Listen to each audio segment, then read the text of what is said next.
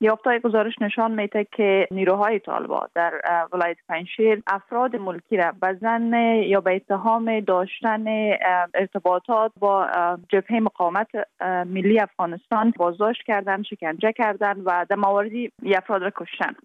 وحشتناکتری است که ما همچنان قضایی را داشتیم با کسایی صحبت کردیم که تایید کردن که اتفاقای افتاده که بعد از یک شخص کشته شده جسد از او برای روزها در انظار عامه بوده و کسی نداشته جسد دفن بکنه فقط با خاطر که مردم بترسانن به که کسی اجازه نداره با جبهه مقاومت ملی هیچ ارتباطی داشته باشه یا همکاری داشته باشه. امرا با کسایی که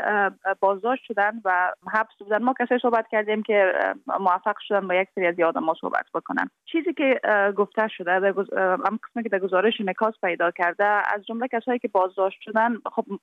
هم قسمی که ما خبر هستیم تعداد اینا متاسفانه در مواردی به صدها نفر می‌رسه و اینا گزارش کردن که معمولا کسانی از بند آزاد میشن که هیچ نوع ارتباط با جبهه مقاومت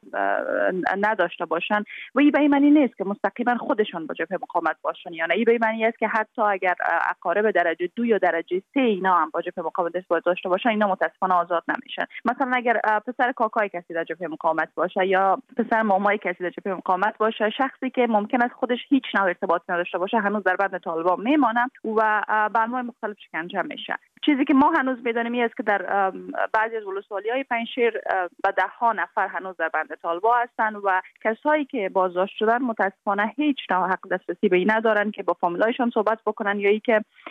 وکیل مدافعی داشته باشن یا محکمه ای باشه که اینا بتانن بر عدالت اونجا برن و بازخواست شون و بله. یک سیستم عادلانه و مناسب بر رسیدگی به این قضایا باشه اما زبیح الله مجاهد سخنگوی حکومت سرپرست طالبان در اعلامیه در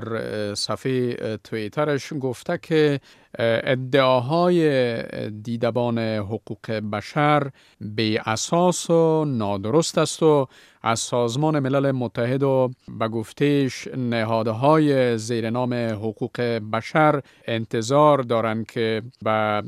گفته آقای مجاهد تبلیغات به اساس علیه حکومت اونا گوش نتن چیست پاسخ شما؟ گزارش امروز دیدبان بشر در وضعیت نشر میشه که طالبا به هیچ کسی اجازه نمیتن که در مورد نقصای حقوق بشری اینا گزارش بسازن ما به عنوان یک نهادی که اما وظیفه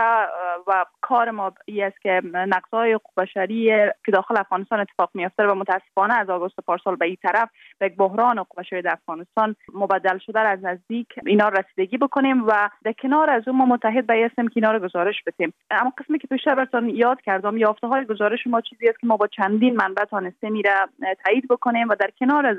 تمامی یک اجماع کلی است که اکثر سازمان هایی که برای مسائل بشر در افغانستان کار می‌کنن و نقضای قشر مستند می‌کنن روی ازی توافق دارن. به خاطر انکار ضرب مجاهد به ای که یا به اساس خواندن ادعای دیدبان بشر یا گزارش دیدبان حقوق بشر چیزی متاسفانه از واقعیت را کم نمی‌کنه. ای برای همه واضح و آشکار است که این نقصا پنجشیر اتفاق میفته و یکی از مواردی که اتفاقا طالبان مسئول هستند به است که نیروهای خود را باید در مقابل چنین مواردی پاسخگو بدانند.